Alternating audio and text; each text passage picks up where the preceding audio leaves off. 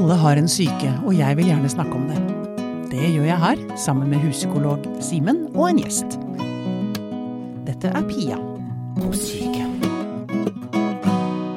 Vi fortsetter vår temamåned om følelser. Eh, sammen med Tone Nordmann Eide så kartla vi jo eh, veldig mange av følelsene i de to forrige episodene. I denne så skal vi gå dypere inn i hvordan de kanskje fungerer sammen, og hvordan vi skal forholde oss til dem. Du, eh, huspsykolog Simen. Ja. Ja, banner du mye? um, ja. Ja, Tror det. se der. Det har vel nemlig gjesten vår, eh, ifølge vår gjest, så er banning direkte korrelert med ærlighet, men det skal vi komme tilbake til litt senere. Ok. Eh, ja. Jeps, nå skal du få svaret. Fasiten. Mhm. mm, mm. Velkommen hit, Anne Hilde Vassbu Hagen. Hei, hei. Hei, Tusen hei. takk for det. Ja, du har også skrevet bok om følelser, Ja, sammen med Jan Reidar Stigler. det stemmer. Ja. De seks store følelsene, og hvordan emosjonene styrer deg mer enn du aner. Det er disse følelsene, jeg må bare snakke litt med deg om det også. Disse følelsene våre er veldig i vinden om dagen. Hvorfor det, tror du? Hva er det som gjør at det er så Jeg tror det har pressa seg fram et eh, behov, i hvert fall blant eh, fagpersoner, eh, å få både skrive mer og snakke mer og jobbe mer eh, direkte med følelser. For følelser har vært et ganske sånn eh, oversett tema innenfor psykologien i mange, mange, mange år. mm, Det kan kanskje høres litt rart ut for, for folk som ikke er psykologer, fordi man tenker kanskje liksom at psykologer først og fremst jobber med følelser og kan ja, masse om jeg følelser. også tenker det. Mm. Men det har vært en, eh, en kognitiv revolusjon, så det har vært mye fokus på vår evne til å tenke, og hvordan tankene påvirker psyken vår, og det har fått stor plass innenfor psykologien. Og så har følelsene kom litt sånn litt i bakevja. Mhm. Sånn at eh, det har kanskje blitt litt sånn at vi i mange år har snakket om følelser, men kanskje ikke jobbet så aktivt med det, og kanskje ikke heller visst helt hva følelser er. Sånn at det er først de siste, bortsett fra en periode på 50-60-tallet, så er det liksom først de siste 15-20 åra at det forsker mye på følelser, og man virkelig har prøvd å få tak i hva er det for noe. Mhm. Og der eh, nevroforskningen òg har bidratt i forhold til å belyse eh, eh, dette med at vi har ulike følelser, og at de Ja, nevro. aktiveres i hjernen. Ja, man kan, man, kan, man kan rett og slett måle følelser i hjernen? Eller? Ja, i hvert fall sånn, altså man kan i hvert fall måle noe relaterte følelser i hjernen. Så det kan lyse opp ulike lamper. Ja, ikke sant. Eh, men men det, har, det har, har i hvert fall bidratt på et eller annet vis til at følelser har blitt noe litt mer konkret og håndfast. Mm. Eh, som man i større grad har prøvd å systematisere og sette i et system. Ja, ikke Ja. sant. Jeg vil også nevne at du er psykolog. Ja. Og leder av Institutt for psykologisk rådgivning i Bergen, IPR. Det stemmer. Ja. Og så jobber dere med emosjonsfokusert terapi. Ja. Kan ikke dere to jeg, Nå har jeg lyst til å vite hva er forskjellen på emosjonsfokusert terapi og kognitiv terapi? Og før dere svarer på det, hvor mange andre typer terapier finnes det? Bare for å kartlegge terapityper litt også. Det er en eh, lang liste, Ja. tror jeg. Det er såpass, ja. Ja. Eh, Å ja, ja. definitivt. Og det er ganske mange evidensbaserte metoder, så det er mange metoder som er godt dokumentert, og godt dokumentert at har effekt. Mm. Eh, hvis en skal dele det opp i noen større kategorier, så kan man kanskje si at det er psykoanalyse, psykoterapi, kognitiv terapi og humanistisk terapi. Ja. Kanskje jeg har glemt noe, men Ja, som sånne sorteringsbokser, på en måte. ja, ja. Mhm. Og så er det ulike terapeutiske retninger under liksom disse større kategoriene igjen. ja. Mm. Hva slags terapi jobber du med, Simen? Jeg har jobba mye med mentaliseringsbasert terapi. Ok. Um, nå hvor jeg jobber på Akerselva Psykologene som privatpraktiserende, så ville jeg kanskje heller kalt det for korttidsdynamisk terapi. Ok. Men um, det med følelser har jo Det er jo en del av alle disse forskjellige retningene. Men man har definert det litt forskjellig, kanskje. Så jeg eh, tror også at det har vært veldig viktig å få ned noen sånne referansepunkter nå, og et rammeverk som vi har sett eh, de siste åra. Ja. Ok, men hvordan skiller din måte å jobbe seg på fra Anne Hilde sin, da? Eller begynner med Anne Hilde, da. Hvordan jobber dere? Ja, for det er jo lettest å snakke om hvordan vi jobber sjøl. Mm. Hvis vi skal snakke om metoder som vi ikke kjenner så godt, så kan det jo fort bli litt sånn forenklinger, på en måte, som ikke er så gode. Eh, men innenfor emosjonsfokusert terapi så er vi veldig aktive terapeuter. Vi jobber veldig mye med å aktivere de vonde følelsene i terapirommet. Vel... Få frem de vonde følelsene. Ja. Mm. Og det viktigste kompasset vårt, det er å følge følelsen. Så vi er mye mer opptatt av å uh, følge følelsen i ord eh, når vi snakker med klienter, enn å følge historien og narrativet. Så at istedenfor at vi spør om hva som skjedde i historien, på en måte, så vil vi gjerne kommentere på hvordan det må ha føltes. Sånn at vi har et veldig sånn tett at vi prøver å følge følelsen. Og ja. vi vil inn i smerten, inn i det vonde, med den tro at hvis vi kommer dit, hvis vi kan gå inn der det gjør mest vondt, så forandrer følelsen seg. Ja. Da kan en slippe, slippe taket, rett og slett. Så kan man slippe taket. Mm. At du kan på en måte ikke forlate et sted før du har vært der. Mm. Mm. Eh, og så bruker vi noen teknikker som har eh, En teknikk som den vi er mest kjent for, det er henta fra gestaltpsykologien, og det at vi bruker tomme stoler som en del av arbeidet vårt. Ja. Og det funker på den måten at hvis jeg f.eks. har en klient som har hatt eh, en vanskelig relasjon til moren sin som barn, eh, og har da det vi kaller for et uoppgjort forhold, eh, som òg gjør vondt i dag, og som gjør at man har ulike vansker i dag, så vil jeg be klienten om å se for seg mor i en tom stol, og forestille seg at mor sitter der. Og for å gjøre det enda mer eh, evokativt, for å, gjøre, for å, gjøre, at det vekker enda mer følelser, så vil vi hente, prøve å hente fram den moren den gangen når såret skjedde. Sånn at hvis klienten min f.eks. var ti år, når det vondeste skjedde, så vil vi at klienten skal se for seg mor den gangen når klienten sjøl var ti år. Mm. Og så vil vi at de skal forestille seg at de er barnet på ti år som forteller om hvor vondt det var direkte til mor, til mm. og uttrykke hva de hadde trengt, mm. som de ikke fikk. Mm.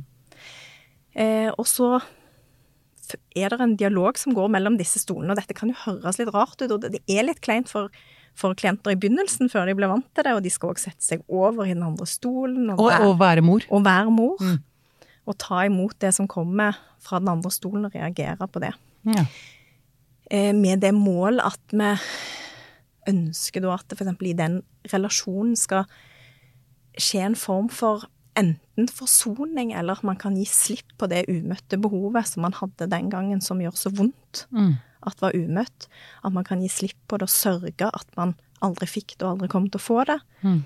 Eller at man At det skjer en forsoning gjennom at man faktisk får det man trenger i stolarbeidet, da. Sånn mm. at du gir det på en måte til deg sjøl.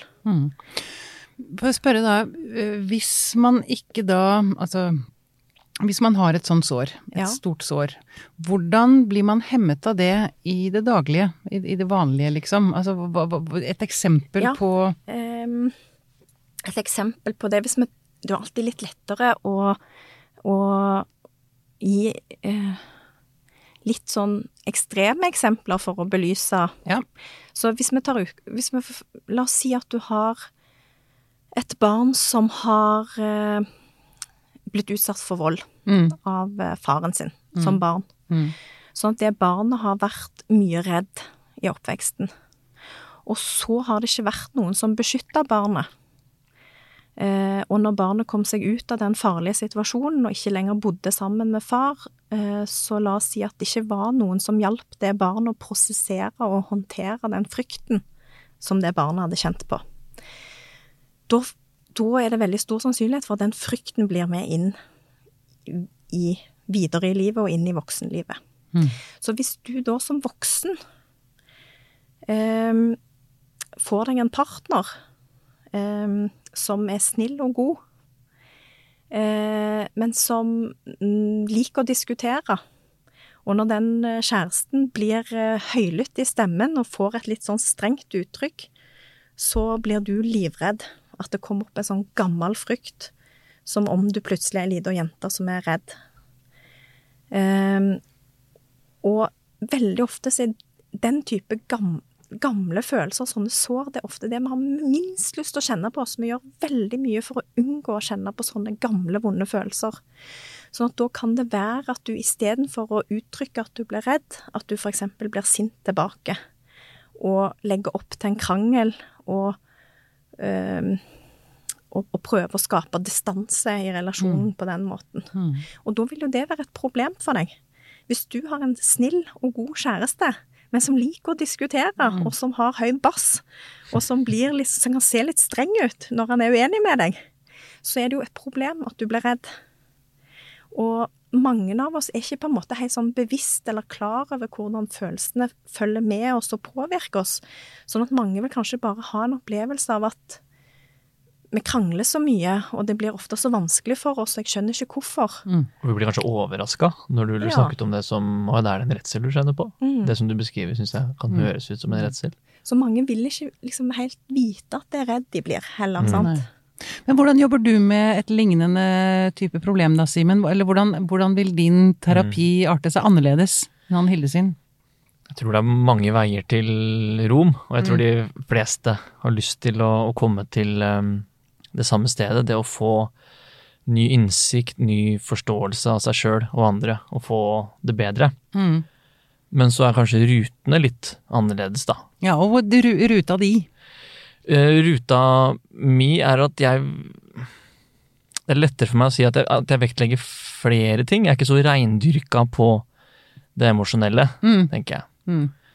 For eksempel så er jeg veldig opptatt av det relasjonelle, og um, hvilke minner og erfaringer vi har gjort oss. Hva slags ting livshistorien til pasienten har lært den, Mm. han eller henne. Ehm, hvordan, kan det, hvordan spiller det seg ut her og nå? Så jeg, jeg kjenner når Anne Hilde beskriver sitt fokus, og at det høres mer eh, på en måte rendyrka ut enn sånn som Mm. jeg har tenkt på hvordan jeg sjøl jobber.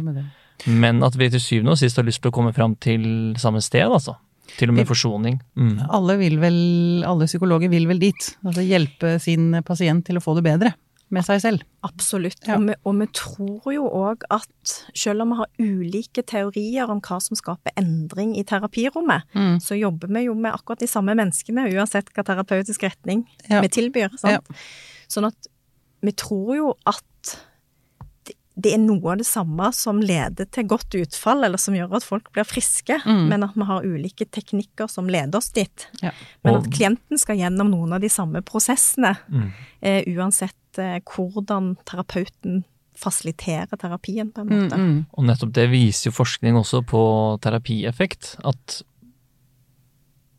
hvor god relasjon en terapeut klarer å få med sin pasient, er uendelig mye viktigere enn hvilken spesifikk metode du bruker. Ja, ikke sant. For det er mye personkjemi, egentlig.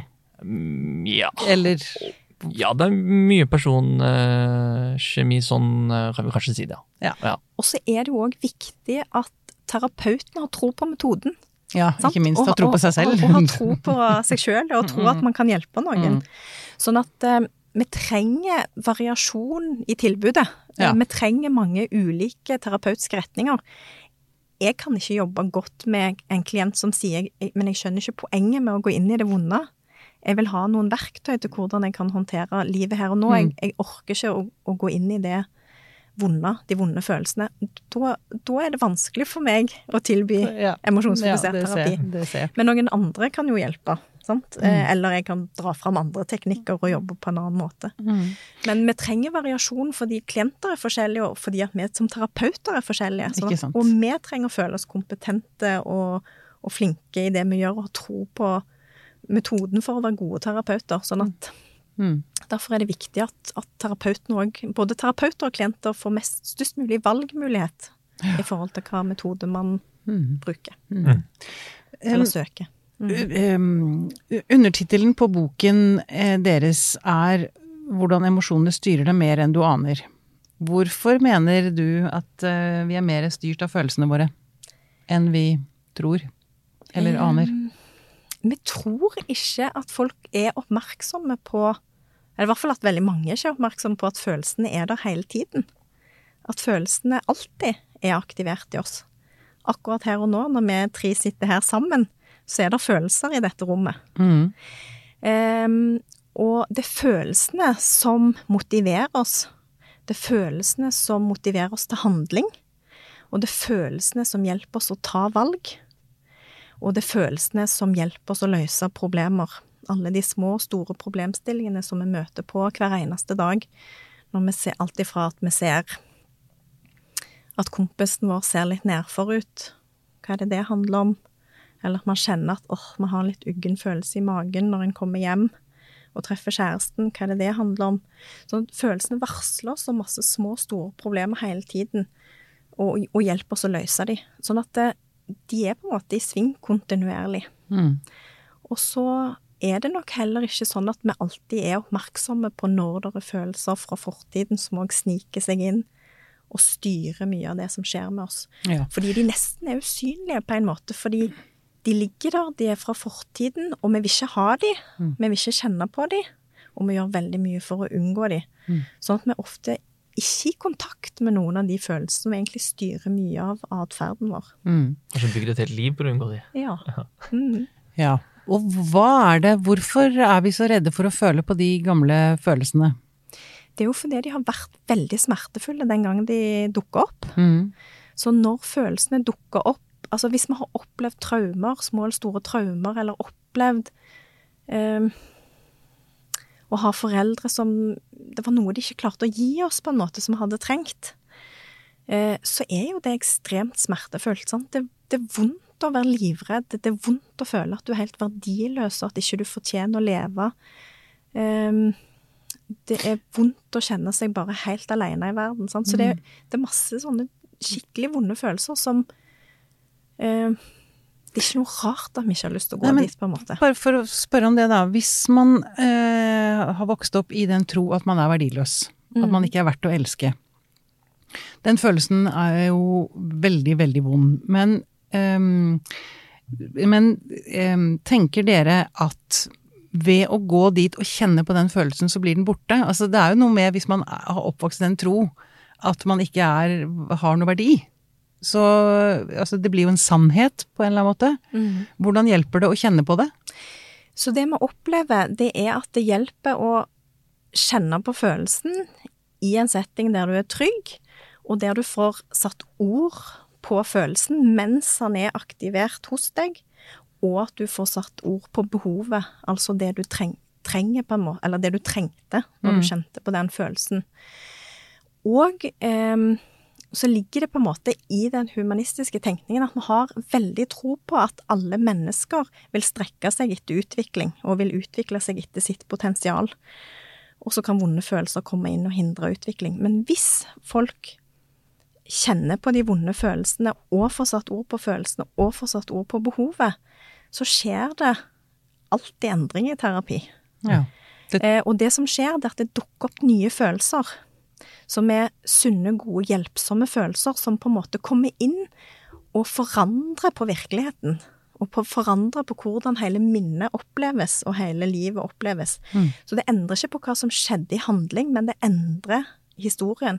Sånn Det ender på blikket man har Ja, på seg selv, eller ja. på du, ja, du, så hvis du for eksempel kjenner Hvis du virkelig kjenner på den der skammen av å være verdiløs, og synker ned i den, og er der, og får satt ord på den, så vil det dukke opp enten sjølhevdende sinne, Mm. selvomsorg Åh, så vondt jeg har hatt det. Mm. Og jeg var jo så liten. Mm. Tenk at jeg allerede da syntes at jeg var verdiløs. Mm. Faen, det var jo ikke greit at mamma og pappa signaliserte til meg at jeg ikke var verdiløs. Det var ikke greit i det hele tatt. Og så kommer det òg ofte en sorg over at det har vært sånn, over Mm. tapet både for det lille barnet og for alt man har opplevd senere i livet som en følge av å føle seg verdiløs. Ja. Og de tre følelsene, sorg, selvomsorg og sjølhevdende sinne, det er med å transformere skammen. Og gjøre at skammen blir mildere. Ja. Nå merker jeg at jeg blir nesten litt på gråten. Mm. det treffer vel noe i meg òg, kan det kan tenkes. Mm. Du kjenner på at, Hva slags assosiasjoner gjør du deg, Simen, når du hører på Anne Hilde? Det er, eh, det er sterkt å høre på, fordi det er så godt eh, beskrevet hvordan terapi kan være virksomt. Mm. Og det er eh, så rørende å se dette spiller seg ut i, i levende livet da, foran deg i eh, timen. Og i, i tillegg til de tre reaksjonene du beskriver, som jeg også kjenner meg godt igjen i, så er det også det å kunne se hvor um, forløsende og frigjørende det er når pasienter begynner å legge fra seg all unngåelsesstrategien, som har prega livet deres kanskje i ekstrem grad lenge, Mm. Og uh, begynner å se um, nye måter å leve livet på som ikke er like prega av de følelsene som de kanskje ikke engang uh, vedkjente seg helt at de hadde. For det, det jeg også, det er jo noe med hvis man alltid har hatt det sånn, så er det som om man har jo ikke lært det andre. Altså det, man vet ikke at det faktisk går an å få det bedre nesten. Man tror at dette er standarden, dette er sånn alle har det. Og det er nesten sånn man har sant, Hvis man har et ubearbeida sår, kanskje det er delvis bearbeida, men ikke helt, eller Så har man jo òg ofte liksom det barneblikket eller ungdomsblikket på det, når skaden skjedde. Ja, man- man man- ser det med barn, Ja, barneøynene. Ja, sånn. Mens det tydeliggjør vi veldig med disse stolene, så da kan vi eksempel plassere eh, seks år gamle Anne Hilde i stolen. Mm, Se henne for deg der hun sitter. mm, og skammer seg sånn og føler seg som så slem og så egoistisk og så kjip. Hva har du lyst til å Hva kjenner du når du ser henne der? mm, Hva får du lyst til å si til henne? mm. Så, så det er et eller annet med de stolene med å gjøre materialet litt sånn levende og hente det fram og opp her og nå, da. Nettopp. Mm. Du, dere, jeg har bare lyst til å nevne det, jeg glemte å si det i innledningen, at du er jo også ansvarlig for disse nydelige filmene om eh, Og nå står det stille, nå finner jeg det ikke på Alfred og skyggen.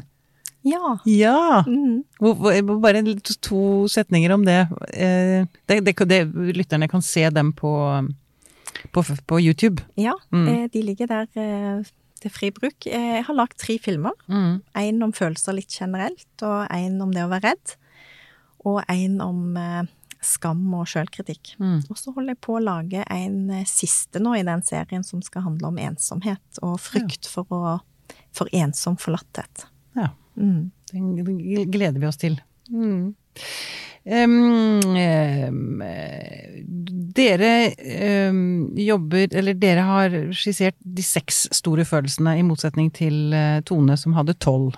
Men du, du, dere mener at, det er, at alle følelser har fire underkategorier? Ja, det Eller du snakker om adaptive og maladaptive. Snakket om, kan ikke du fortelle hvordan dere skisserer følelsene våre? Ja.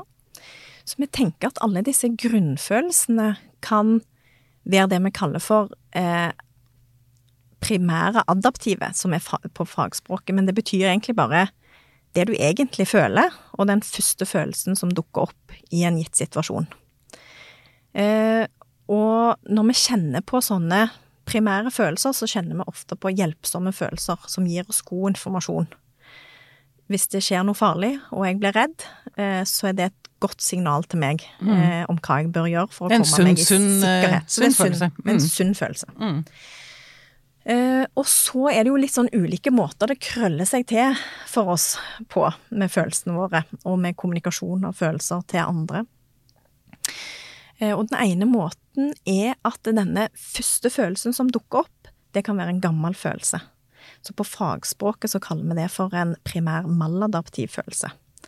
Som egentlig bare betyr at det er en gammel følelse som hører fortiden til, men det er den første følelsen som dukker opp i en gitt situasjon. Og det er altså de mest smertefulle følelsene. De, de er ikke til hjelp for oss. De er gamle. De har gamle, umøtte emosjonelle behov knytta til seg. Mm.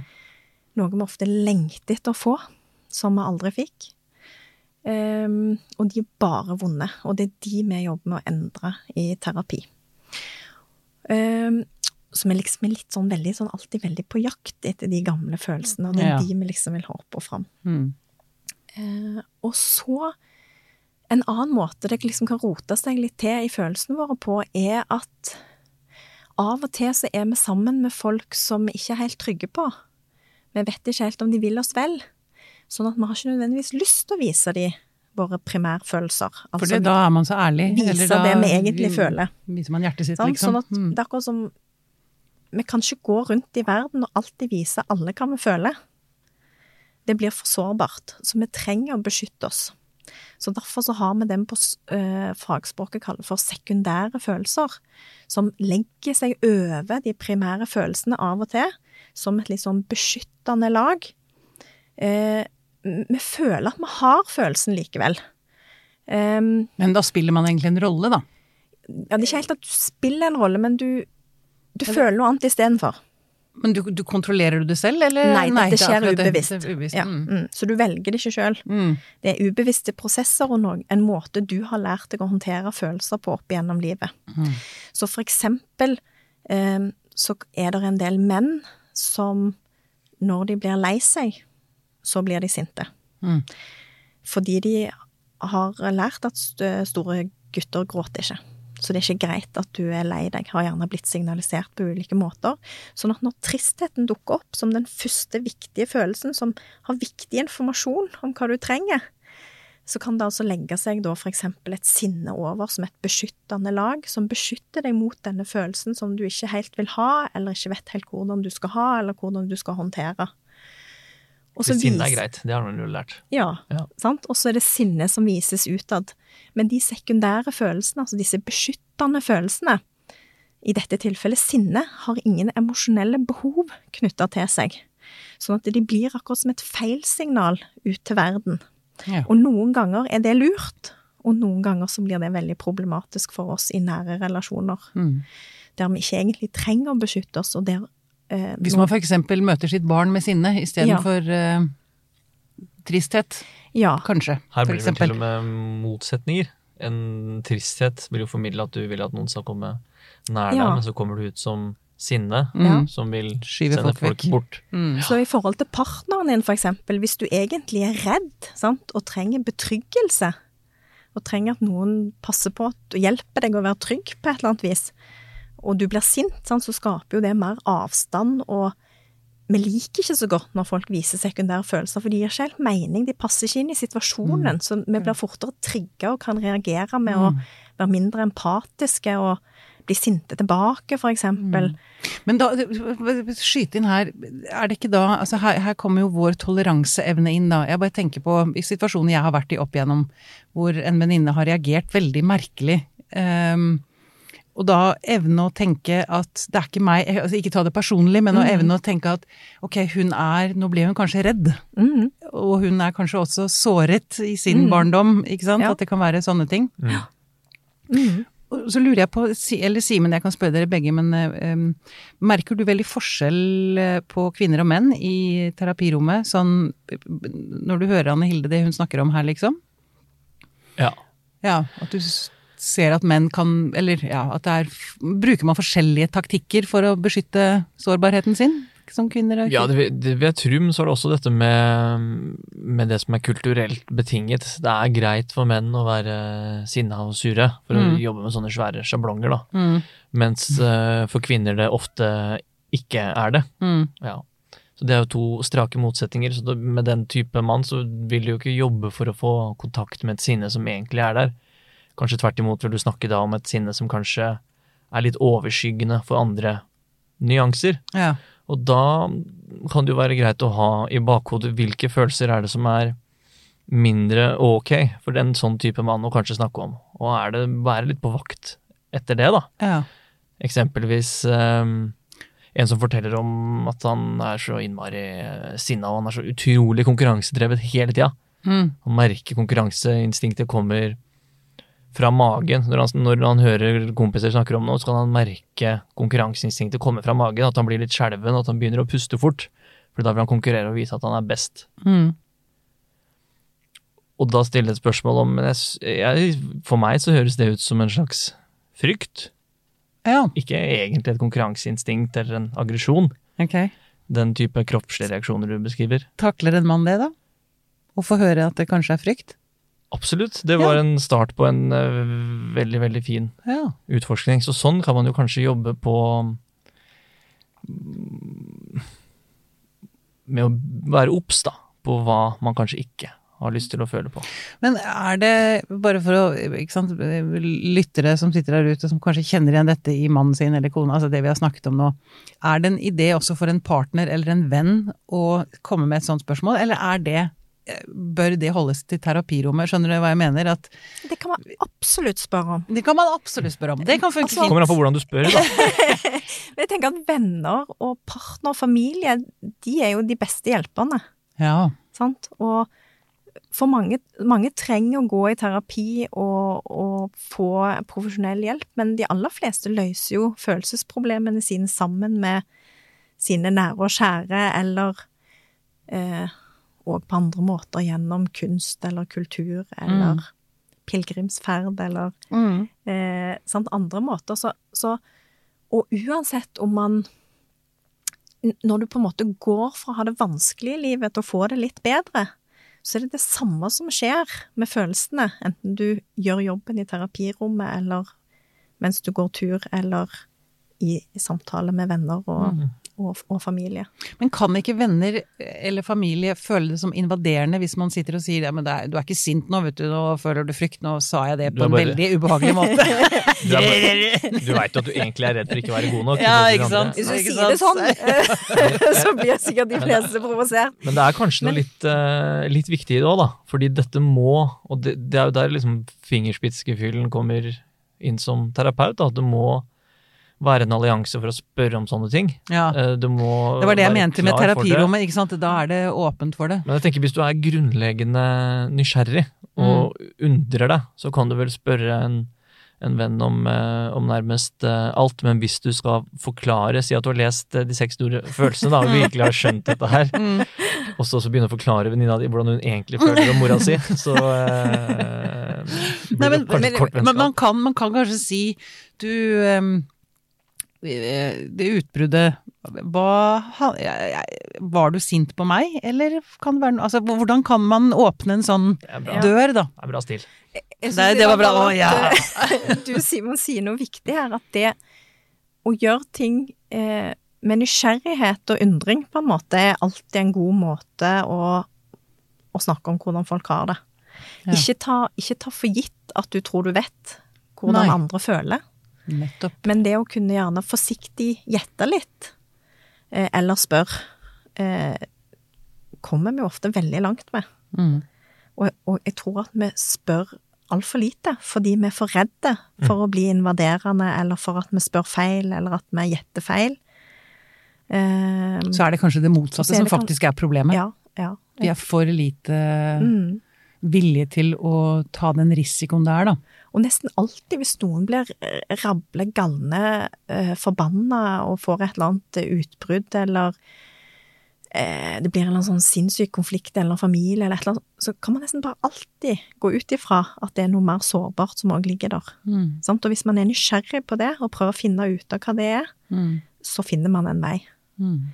Eh, mens hvis du på en måte alltid bare tar for gitt at det folk uttrykker, er det de føler og det de mener, og du i tillegg tar det personlig at dette handler om meg eller vår relasjon, Mm. eller at alt handler om meg eller vår relasjon, så blir det ofte problematisk. Mm. Nettopp fordi at vi ofte sender ut feil signaler, og blant de vi er glad i. Eh, Fordi der, de fleste av oss har opplevd eh, enkelte Noen har store sår, og noen har små skrubbsår, men de aller fleste av oss har erfart at noen følelser ikke er helt akseptert, ikke helt ok. Så de fleste av oss har noen følelser som vi ofte beskytter oss mot, og dermed så sender vi òg ut feilsignaler i de nære relasjonene, og der vi trenger hjelp, på en Mm. måte. Mm. Sånn at det å være ja, genuint interessert i å prøve å få tak i hva som rører seg i den andre, det er et veldig godt utgangspunkt. Mm, mm. Jeg, jeg lurer på om jeg avbrøt deg i sted. Ble du ferdig med de fire Nei, nei, jeg ble tror ikke det. skjønner du. Nei. Det var bra jeg catcha det, ja. Så vi var jo inne på dette med disse beskyttende følelsene. Mm. Og der har jeg bare òg lyst til å si at eh, sant, Vi vet at det er noen kjønnsforskjeller, så vet vi at forskjellene er selvfølgelig mye større innad i ei gruppe så enn sammenlignet mellom to grupper, men det er jo likevel interessant at det er noen forskjeller. Så for eksempel så er det mer vanlig at eh, når damer eksempel blir sinte, så kommer tårene. Mm. At det legger seg over sånn slør av tristhet. Og så gråter man og uttrykker tristhet når man egentlig er sint og trenger å stå opp for seg sjøl og sette ei grense og si ifra. Eh, og, og Og for å gjøre det liksom litt lettere for oss, så er det noen følelser som går igjen òg sånn generelt sett. Så de vanligste beskyttende følelsene vi har, det er sinne, og så er det frykt i en sånn eh, angstvariant. Så det å bekymre seg og være redd for ting, eh, som i utgangspunktet ikke er farlig, eller det å bli sint, det er de to måtene vi mest beskytter oss på. Ja, Så det du sier er at bekymring er egentlig et forsvar? Mot Ja, en, en kan- sterkere følelse? Det kan være en beskyttelse, ja. Kan Og være en selvfølgelig, noen er jo født Ja, ja. inn i verden mer engstelig enn andre og sånt, men, men ja, det kan være Men en det, beskyttelse. grubling, altså Ja. det å gruble er egentlig at man unngår det faktiske problemet, som er den sterke følelsen som ligger under deg, som man ikke tør å se på. Mm. Mm. Så for eksempel så er det ikke så uvanlig at hvis, eh, hvis du som barn for eksempel, eh, la oss si at du har et kjæledyr som du er veldig knytta til, Mm. og så dør det kjæledyret. Og så tenkte mor og far at det var best at de tok dyret til dyrlegen når du var på skolen, Mm. og du ikke fikk tatt farvel, og de ikke snakket med deg om dette tapet etterpå. Så kan for eksempel en sånn ubearbeida sorg, altså den tristheten som på en måte ikke får helt utløp, det kan gjøre at barna kan for eksempel utvikle angst for å gå på skolen eller Mm. Sove alene. Altså helt andre ting som ikke er knytta til sorgen. Mm. Fordi at de må, de må finne en eller annen måte å håndtere det ubehaget som sorgen er. Og hvis ikke det er noen som er der og hjelper dem med sorgen, så må de liksom gjøre noe annet. Mm. Og da kjennes det kanskje lettere ut å ha en annen ubehagelig følelse enn den opprinnelige følelsen, på en måte, og kanskje du får noe hjelp og støtte rundt det at du er redd. Ja, det, men det er vel kanskje noe mer konkret eller håndfast. Ja. Plutselig er det monster under senga. Eh, Ja. Det er lettere å be om hjelp til en sånn ting, kanskje, Mm, enn mm. fordi man kanskje ikke helt vet. Eller, og så er det vel dette også med at man, et barn som opplever dette, vil også da kanskje utvikle eller føle et sinne mot foreldrene som gjorde dette, Ja. uten å ta Mm. barnet med på råd. Ja. Og det er en farlig følelse. For Mm. man skal ikke være sint på de man elsker. Altså, Mm. Da blir det Mm. plutselig komplisert. Ja. Ja. Ja. Mm. Og så eh, er det òg sånn at disse gamle følelsene eh, som hører til i fortiden, som er å plage oss i dag, der er det òg vanligvis én av to. Vanligvis så handler det om frykt eller om skam. At det er gammel frykt eller gammel skam. Så det er de to følelsene vi møter mest på i, i terapirommet som de problematiske, virkelig smertefulle følelsene. Frykt og skam er Ja. eh, Og det er det, så det er det vi er aller mest redd for å føle på? Ja, Egentlig, av de da. gamle følelsene. De gamle. Ja. Så skammen da vil være en sånn type følelse av å være verdiløs, eller jeg er så stygg og feit og ekkel, eller jeg er så uintelligent, eller jeg er så kjedelig, eller det er noe galt med meg. Sant? Enten at det er noe i den kategorien der, som er da skammen, eller at det er frykt. Og da er, ser vi to ulike varianter av frykt. Den ene er den litt sånn intense dødsfrykten, som nesten er en sånn skrekk. Som er de som har opplevd grove vold og overgrep, krig og traumer, som på en måte har vært trua på livet, eller sett familiemedlemmer være trua på livet.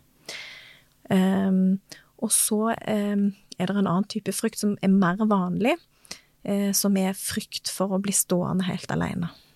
Mm. Og stå ubeskytta. Mm. Så, så Det, det, det er en vond følelse for et barn å ha. Ja, være det- alene. det, er, det er helt intenst vondt. Mm. Ja. Mm. Gjør du deg noen tanker, Simen, av eh, det vi snakker om nå? Ja, jeg, jeg syns det er så eh, forfriskende at uh, Anne Hilde kom jo med ja-nei-svar i forhold til alle andre. Ikke alle andre, men det, det blir ofte så ullent når vi snakker om følelser. Mm. Men innenfor um, den, den metodikken som hun jobber eh, innenfor emosjonsfokusert terapi og sånne ting, det er ikke jeg noen ekspert på den, så opplever jeg at rammeverket er liksom veldig, veldig tydelig og konkret. Mm. Og så er det jo nok av kompleksiteter og abstrakte og vage ting man jobber med innenfor det. Men det er noe veldig håndfast og, og strukturert ved dette her, som jeg tror eh, gagner veldig, veldig mange, da. Mm. Det er jo ikke alltid så lett å vite hva man føler. Ikke sant? Man Nei. kan bli så Skal du stille meg et nytt spørsmål nå? Fordi Ja, ja skulle du være ferdig på en? Jeg har fortsatt ikke kommet i mål, nei. Så mye vi snakker om. Ja. Jeg renner på med spørsmål her. jeg prater for mye om én ting. Nei, men den siste Ja, ja. Den siste eh, varianten av følelsene er Mm. instrumentelle følelser. ja. Eh, det kan være litt mer sånn innlærte eh, måter å føle på, men, men det kan òg være den der varianten som vi kan kjenne igjen, den at, at du litt eh, later som du har en følelse som du ikke har. Mm. Altså du kjenner ikke at du har følelsen, men du spiller den ut, og du kan òg gjøre det manipulativt. Så jeg kan for eksempel eh, vise aggresjon og late som jeg er sint for å få gjennomslag for viljen min, men jeg trenger ikke å føle meg sint. Nei. Da spiller du en rolle. Eh, eller jeg kan gråte krokodilletårer Mm. eh, fordi jeg har lyst på en is, Mm. hvis jeg er fem Mm. og har lyst på is, eh, men uten at jeg egentlig føler at jeg er trist. Men jeg gjør det bare Mm. fordi For jeg å- tror at jeg kan Mm. få det som jeg vil. Ok, så da bare for å oppsummere litt av de fire. Instrumentelle, husker jeg nå. Mm. Og så var det Sekundære, som er den, de beskyttende følelsene. mm. Og så er det de primære, som enten er nye og ferske Mm. og, og hjelpsomme, Mm. eller som er gamle. Ja, akkurat. Der har vi de fire. Mm. Mm.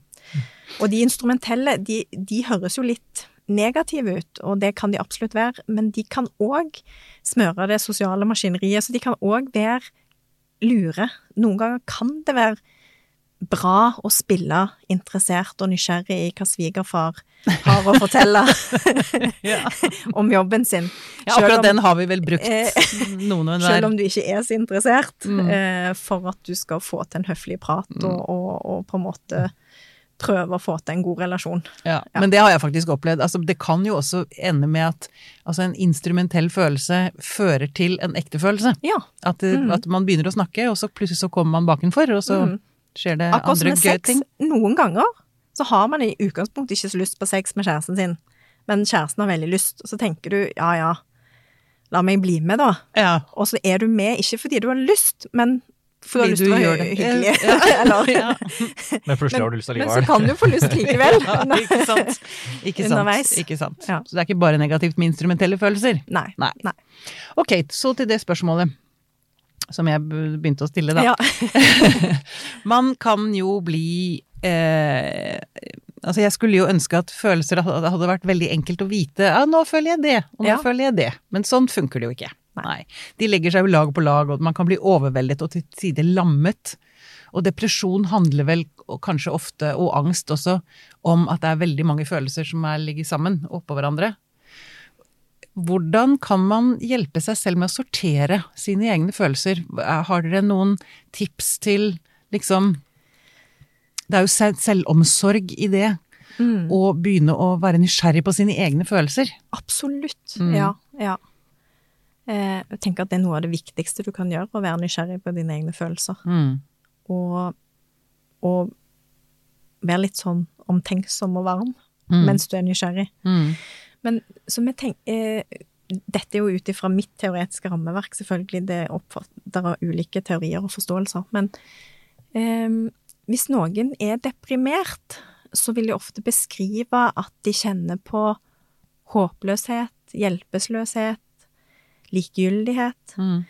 Eh, alle de følelsene der vil vi si at ligger i det sekundære, i det beskyttende landskapet. Mm. Sånn at det, det er akkurat som om de følelsene som er knytta til depresjonen, beskytter deg mot noen andre smertefulle følelser som du gjør alt du kan for å unngå. Så betyr ikke det at folk velger å være deprimerte. Dette er jo noe som skjer over tid, og Mm. fordi du kjenner på noen vonde følelser som du ikke får hjelp til å håndtere. Eh, som blir for store for deg, som blir for vanskelig for deg. Eh, men det kan likevel eh, hjelpe kanskje å være nysgjerrig på Hm, så hva følelser er det som ligger under denne håpløsheten og hjelpeløsheten? Hva er det som gjør vondt? Og, og prøve på en måte å kjenne etter, og prøve å få kontakt med kroppen der følelsene sitter, som der det ofte blir en sånn avkobling når man er deprimert. Mm. Um, Man kan gjøre en del av dette, denne jobben selv også, det er det jeg spør ja, etter, egentlig. Mm, Mm. man kan gjøre en del av denne jobben sjøl og sammen med andre som man bryr seg om, eller ja. Mm. Altså det der å skape seg et rom for å vende blikket innover, um, og prøve å finne ut av hvor er det dette kommer fra, hva er det som gjør vondt for meg, hva er det som er Mm. vondt i livet Mm. mitt akkurat nå. Mm. Og ofte når man er deprimert, så er det i tillegg en sånn Det kan enten være at det, det er noe med betingelsen eller troen på livet som blir revet vekk. Det kan, ofte så har man ikke så gode Det kjennes ikke ut som framtiden har noe bra. At Mm. man har ikke noe bra i vente, for eksempel. At man har ikke noe Det ser ikke ut som det skal se bedre ut når Mm. jeg titter inn i fremtiden. Så prøve å få tak i hva er det som gjør vondt, er rett og slett ett et, et sted å begynne, da. Mm. Mm. Og, og hvis man vet, hvis det er sånn at Mange kan jo si 'jeg vet jo hva det egentlig handler om'. Mm. Det er et sted der langt Mm. tilbake Mm. eh, som jeg det, ikke vil gå. Kan, Ja, ikke sant? Ja, det er kanskje ett utgangspunkt, men et annet òg er vel de mange som virk, virkelig ikke vet, Ja. som ikke har noe språk Mm. for det i det hele tatt, som aldri har vært i Fordi det skjedde da man var tre, og man den gangen ikke hadde noe språk for det? Ja, Eller det er kanskje ikke så tydelig hva det er. Nei, ikke sant. Og det trenger jo ikke heller å være langt tilbake i tid. For Nei. eksempel så kan La oss si at du La oss si at du er 39 og du er kvinne, og du er singel, og du har ikke barn, og du har et veldig ønske om å etablere familie og få barn. Eh, og du liksom har prøvd å date, og du har liksom gjort mange tapre forsøk på å treffe noen, og så har du ikke truffet noen, og så får du ikke det du ønsker deg Mm. så går du med noen udekte behov over lang tid. Og det er vondt. Det er smertefullt. Da kan det for eksempel òg ut, det kan også utvikle seg for eksempel til en depresjon. Sånn, så så det, det trenger jo ikke ligge tilbake i tid. Det kan være ting bare Ja, ja. nå liksom i livet som er, er vanskelig. Mm. Um, Og så for denne Hvis vi skal holde litt på den stereotypien av mannen som ikke har noe språk for dette her, som aldri har sagt settingen som at 'jeg føler det Mm. når det og det skjer', for eksempel, så kan det jo være en god idé å bare begynne på noe så konkret som i å, å lese for eksempel boka deres eller en annen bok, eller bare finne en annen liste på nettet. Altså gå igjennom. Kjenner jeg på dette her? Kjenner jeg tristhet? Kjenner jeg på frykt? Angst? Eller når kjenner jeg på glede eller, eh, eller iver? Mm. Rett og slett begynne der. Så enkelt eh, kan det være, som et slags utgangspunkt. ja. Og, og hvis det da kjennes ut som at men jeg har ingen ord for det jeg føler, eller jeg vet ikke om jeg føler noe, jeg tror det er bare helt tomt, så kan rett og slett òg det å bare litt sånn i forlengelsen av det du sa, eh, så kan rett og slett det òg bare liksom prøve å kjenne etter Kan jeg kjenne at hjertet slår? Å ja, begynne der, ja. Slår det fort, eller slår det seint? Mm. Det slår ganske fort. Å ja, hva betyr det? At Mm. hjertet mitt slår fort? Rett og slett begynne i kroppslige Mm. uttrykk, ja. Mm. Hvordan er det med pusten, og Ja. hvordan er det med magemuskulaturen? Og, Mm. Ja. Mm. Mm. Så det kan være en måte å begynne å bli kjent med kroppen hvis man har hvis det er veldig uvant å kjenne etter, og man har få ord på en måte for det som skjer, eller det kjennes vanskelig ut å Mm. kjenne etter. Mm.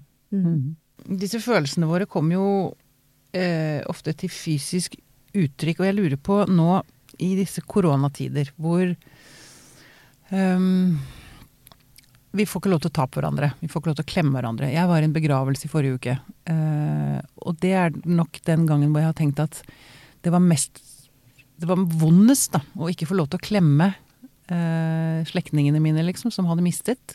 Mm. Hva tenker dere om, om altså hva, hva gjør fraværet av fysisk kontakt med følelsene våre?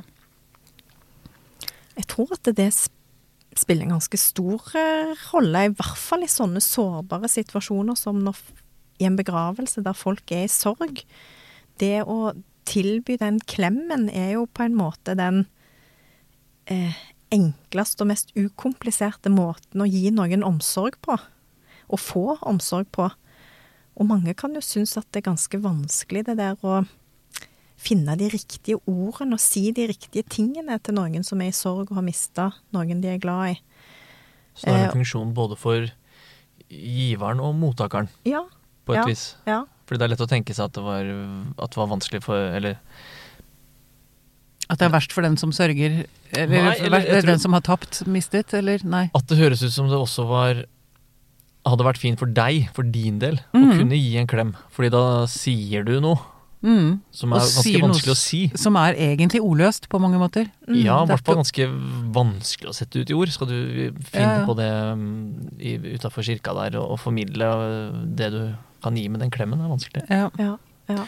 Så jeg tror nok kanskje at um, at, at, eh, altså et eller annet med at den måten vi er vant til å gi omsorg på i en sånn situasjon, faller vekk. Mm. Og at, det, at vi kan bli usikre på hva vi skal gjøre istedenfor. Men det jeg tror, da, det er jo at noe av det som kan erstatte klemmen, er de der gode blikkene der du ser tårene i de andres øyne og ser at det er trist for de òg, og så Mm. kjennes det ut som omsorg, og som det er godt. Å våge, det, det har jeg faktisk tenkt på, det er, der er det forskjell på folk. Det å våge å gi et annet menneske sitt eget blikk, det er også en eh, Det er ikke alle som tør det, som Nei. våger det å hvile. Nei. Og la den andre få lov til å hvile blikket ditt. Mm. Kom jeg på nå, bare. Og hvis du er den som sørger Altså hvis det er du som har mista en av dine nærmeste, så kan det selvfølgelig òg være sårbart og vondt å skulle se rundt seg og se på folk, men jeg vil jo tro at mange likevel vil kunne si at jeg, jeg følte alle blikkene, eller Mm. jeg eh, følte omsorgen eller kjærligheten i Mm. rommet. At det å høre at folk snufser, eller høre liksom de små tegnene på sorg hos andre, Mm. eh, på et eller annet vis kan gi noe av den samme omsorgen, i hvert fall. Mm. Men mer komplisert. Mm. Veldig. Jeg, jeg bare, når vi først er inne på dette med altså, fravær av fysisk kontakt, da, som vi nå eh, driver med alle, alle og enhver Ehm, Det må jo også påvirke følelsene våre. Ganske sterkt, egentlig. Eller? Ja, jeg tror at eh, jeg, tror vi blir ulikt påvirka. Og litt etter eh, hva vi har mest behov for. Eh, litt sånn hvordan vi er skrudd sammen, og hva vi trenger for andre, og litt hvor, hva livssituasjonen vi er i. Men jeg tror nok at det med den fysiske avstanden gjør at noen føler seg mer aleine. Og kanskje føler seg mer ensomme. Mm. Ja. For følelsene våre trenger fysisk kontakt òg. Mm. Det er noe forløsende ved den, om det så bare er en, en hånd på skulderen eller en klem eller Det er noe forløsende. Det er vanskeligere å, å holde igjen det som kanskje ikke bør holdes igjen Ikke sant? nettopp Mm. da. Så jeg tror det er lettere å bli distansert, ikke bare fysisk, men uh, emosjonelt. Når vi Mm. også holder en meter avstand til alle medmenneskene våre. Ja. Vi vet jo hvor, hvor viktig den fysiske kontakten er. Én ting er jo for de små, men for de eldre òg. Vi, vi Mm. vet hvor, hvor godt det er å bli berørt, at noen stryker på Mm. deg og tar på deg. Mm. Og det er det jo kanskje mindre av i eldreomsorgen nå. Mm. Eh, Uff, nå ble jeg også veldig Jeg blir veldig berørt og ja. Er, um, som hvor, er- hvordan, hvordan kan vi si, hva, hvordan kan vi hjelpe på det, da? For oss selv eller andre. Det er det igjen blikkene, da. Det er jo kanskje disse blikkene og Hvis man har tid, så kunne det jo kanskje vært å ta seg mer tid til å være litt lenger, høre én historie mm. eh, om, om livet Mm. eh, til den du pleier. Sant? Men det er jo ikke alltid det er kapasitet til å bruke mer tid. Sant? Mm. Og den fysiske kontakten er jo noe av det som kan gis òg litt fort, på en måte. Mm. Kan gi mye. Kan gi veldig mye. på veldig kort tid, ja. Mm. Da må du kanskje ut i eh, et annet språklig farvann, da. Du må kanskje tørre å si de tingene som vil føles veldig eksplisitt og, og nært i det Ja. norske lynnet Mm. som vi jo har. Eksempelvis i begravelsen, å si noe Mm. om um, hvordan du bryr deg om den personen, eller at du skulle ønske at du kunne gitt en klem, eller at du ser Mm. Jeg vet ikke. Nei. Men å- kanskje man må våge seg litt mer utpå Ja, språklig når vi ikke kan uh, formidle ved kontakt. det tror jeg er en, det tror jeg er en god idé. Bra. Da, eh, før jeg tar det siste spørsmålet, er det noe du har lyst til å tilføye, Anne Hilde, som eh, du tenker er viktig å ha med i denne Når vi snakker om følelses, følelsene våre og kompliserte følelser og sammensatte følelser og Altså, jeg tror vi har dekka de viktigste tingene, og det kan sikkert fort bli litt sånn repetisjon, men bare det viktigste budskapet er at ingenting er feil når det kommer til følelsene våre. Det er ikke feil å føle for mye, eller feil å føle for lite. Eh, vi er forskjellige, og vi har ulik emosjonell stil. Mm. Og den store flokken, samfunnet, arten, tjener på at vi er forskjellige. Mm. Eh, Så det er ikke sånn med, liksom, at det er en korrekt måte å uttrykke følelser på, eller ha følelser på. Og, og det aller viktigste er å prøve å bli kjent med sitt eget følelsesliv, for det ligger så utrolig masse informasjon og masse kunnskap i følelsene. Ja. Um, Og den andres, da. Jeg har lyst til å slå et slag for det òg. Ja, Det å være like nysgjerrig eh, på den andre. Absolutt. Og det å være vissheten om at når vårt eget følelsesnivå stiger, at det blir gradvis vanskeligere da å forstå den andre. mm. Den, Ja. ja. ikke Ja. sant. Mm. Så nettopp. Og vær litt sånn raus og nysgjerrig på de som har et kraftig eller problemat som du opplever som et problematisk følelsesuttrykk. Mm. Mm. Veldig bra. Da er det siste spørsmålet. Du sier at de ærlige banner mest. Spent på hvordan det her skulle ta meg igjen eh, mot slutten. Du har sittet og tenkt på det hele tiden, Du nå. smilte så lurt. Ja, det er noe forskning som støtter opp under det. Ja, Det betyr at vi kan stole på folk som banner. ja visst faen kan du det. Svart i helvete! Da er det mange foreldre som blir fortvilte. Febrilsk prøver å få barna, barna til å slutte å banne. Nei, banning er jeg, jeg er for, for banning. Jeg er i hvert fall for det. Jeg liker det. Det er veldig, det er veldig deilig å banne. Ja, det er veldig deilig. Det er kjempedeilig. Og, og, og tanken er at vi får på en måte sagt veldig mye med veldig få ord. Eh, så det er en effektiv måte å Økonomisk. uttrykke En økonomisk Mm. Effektiv måte å uttrykke misnøye, frustrasjon, smerte på. Pluss at det faktisk også jo kom, kan fort vekk bli litt humor i det. Ja. Altså banning kan jo ofte faktisk avstedkomme latter. Ja. Mm. Ufarliggjørende. Ufarliggjørende, Mm. ikke sant? Ja. Ikke sant? Kommer selvfølgelig an på litt hvilke ord man bruker, men Det går poeng. Alt med måte. alt med måte. Og vi har kanskje et mål med denne boken har kanskje vært å ufarliggjøre følelser litt, og prøve å skrive om det på en litt sånn lettvint og underholdende måte. Mm. Eh, at det ikke trenger å være så tungt og trist og Mm. vondt, på en Mm. måte, Mm. med følelser. Det er, vi er, det er som vi sa, altså det er Hva skulle vi gjort uten følelsene, liksom? Mm. Da hadde livet blitt ganske kjedelig og grått og flatt. Ja, absolutt. Sant?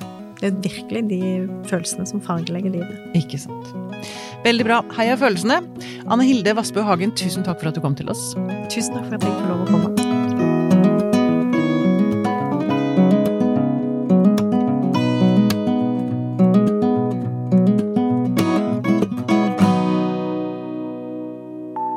Podkasten er produsert av Tid og Lyst. Med støtte fra stiftelsen Kåre Berg.